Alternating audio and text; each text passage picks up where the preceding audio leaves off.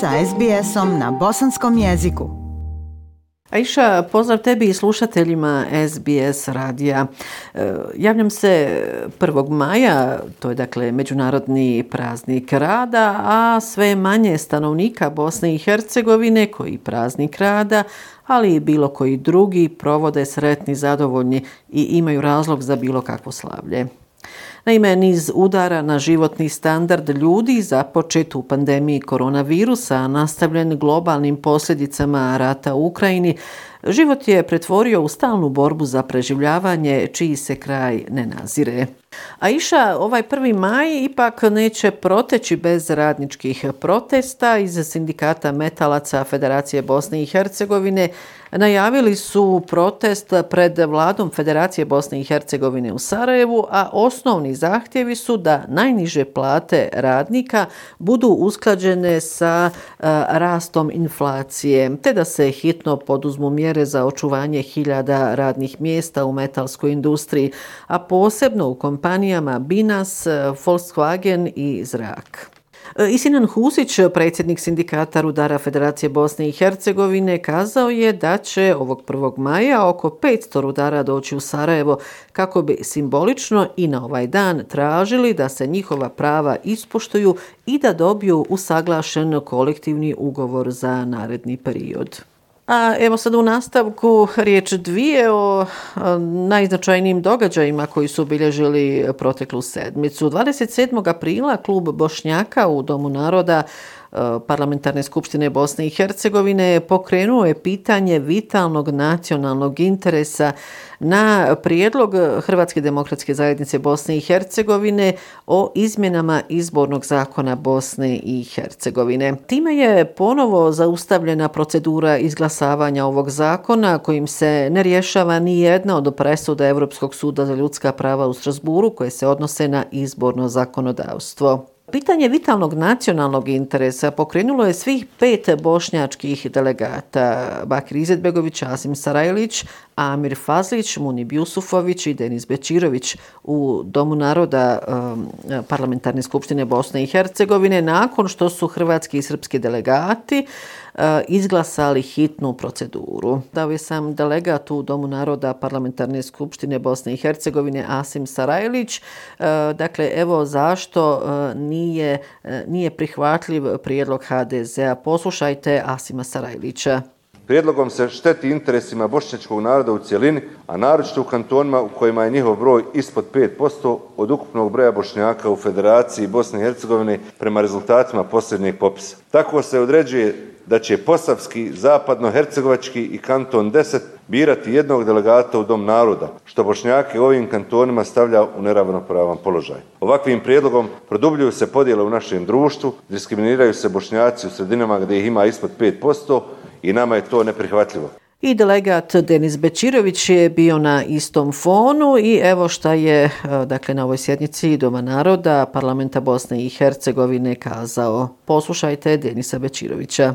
Ovaj prijedlog je duboko protiv sadržaja Evropske konvencije za ljudska prava. Druga stvar, ovakav prijedlog Bosnu i Hercegovinu i sve ljude u ovoj zemlji udaljava od članstva u Evropskoj uniji. Za e, predsjedavajućeg Doma naroda Parlamentarne skupštine Bosne i Hercegovine Dragana Čovića e, ovakve primjedbe, kako je kazao, su neutemeljene. I evo njegovog obraćanja na ovoj sjednici Doma naroda Parlamentarne skupštine Bosne i Hercegovine. Dakle, evo riječi e, lidera HDZ-a Dragana Čovića. Hrvati su dali i naši tim koji je pregovarao, ja mislim više od deset prijedloga izmjena i dopuna Ustava, izbora članova predsjedništva i domova naroda. Kad to nismo uspjeli, ostao jedan mali minimum. Da pokušamo izvući iz onog što smo do sad raspravljali, ono što se u kratkoj proceduri, a to traži hitna procedura, znači ne veliki broj članaka, jer nema popravaka, nema domana na to, da pokušamo popraviti što se da popraviti. A iša, nakon što je klub Bošnjaka pokrenuo vitalni nacionalni interes, sada se očekuje formiranje zajedničke komisije koju čini po jedan predstavnika konstitutivnog naroda, a ukoliko ne dođe do dogovora, ovo pitanje će biti upućeno na Ustavni sud Bosne i Hercegovine. 27. aprila tužiteljstvo Bosne i Hercegovine podiglo je optužnicu protiv 10 osoba u slučaju Dobrovoljačka. Ova optužnica 10 godina nakon obustavljanja istrage šokirala je Sarajevo, ali i sve patriote. E, optužnica je podignuta protiv Eju Paganića, Zajma Backovića, Hamida Bahte, Hasana Efendića, Fikreta Muslimovića, Jusufa Pušine, Bakira Alispahića, Enesa Bezdroba, Ismeta Dahića i Mahira Žiška. Iz e, tužiteljstva Bosne i Hercegovine su se zvanično oglasili o tome zašto se optuženi terete. Kako je pojašnjeno, optužnica tužiteljstva odnosi se na događaje od 3. maja 1992. godine, a prikupljeni su dokazi koji se odnose na stradanje osam ubijenih žrtava sa utvrđenim identitetom, među kojima ima i civila i sanitetskog osoblja, te ranjavanje 24 osobe za zarobljavanje više desetina vojnika i civila koji su mučeni i zlostavljani. Evo još eh, zašto se zapravo konkretno terete optuženi, a o tome govori glasnogovornik tužiteljstva Bosne i Hercegovine Boris Grubešić.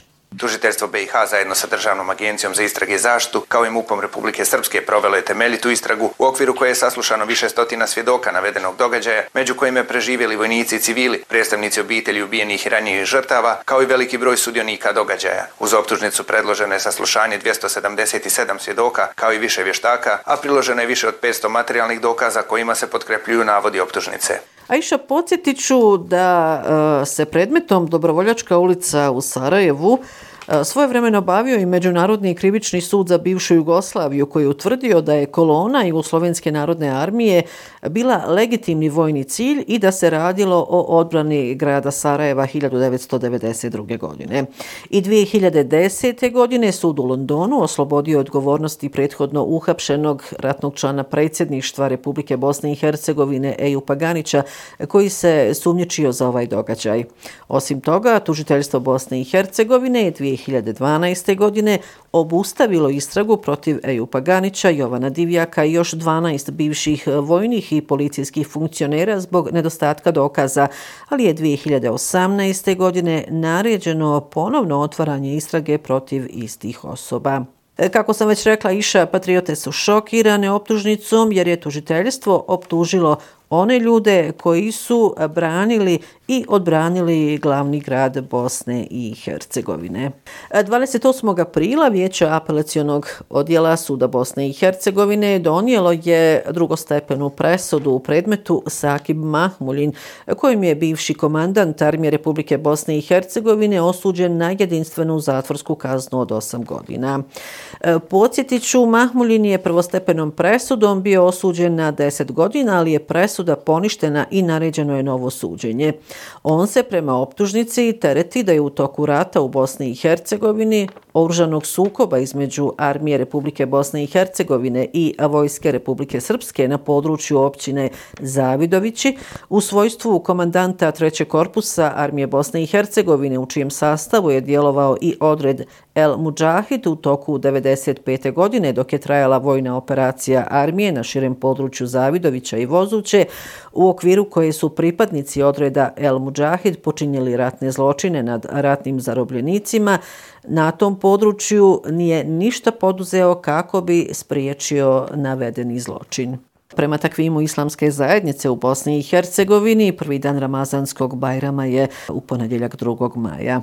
Bajram namaz je u 6 sati i 17 minuta. Centralna Bajramska svečanost Rijaseta islamske zajednice u Bosni i Hercegovini biće održana u Gazi Husrev Begovoj džami u Sarajevu, gdje će Bajramsku hudbu kazivati Rejsul Lema islamske zajednice u Bosni i Hercegovini Husein Efendija Kavazović. Za kraj svima koji obilježavaju e, Bajram, želim sretne Bajramske dane.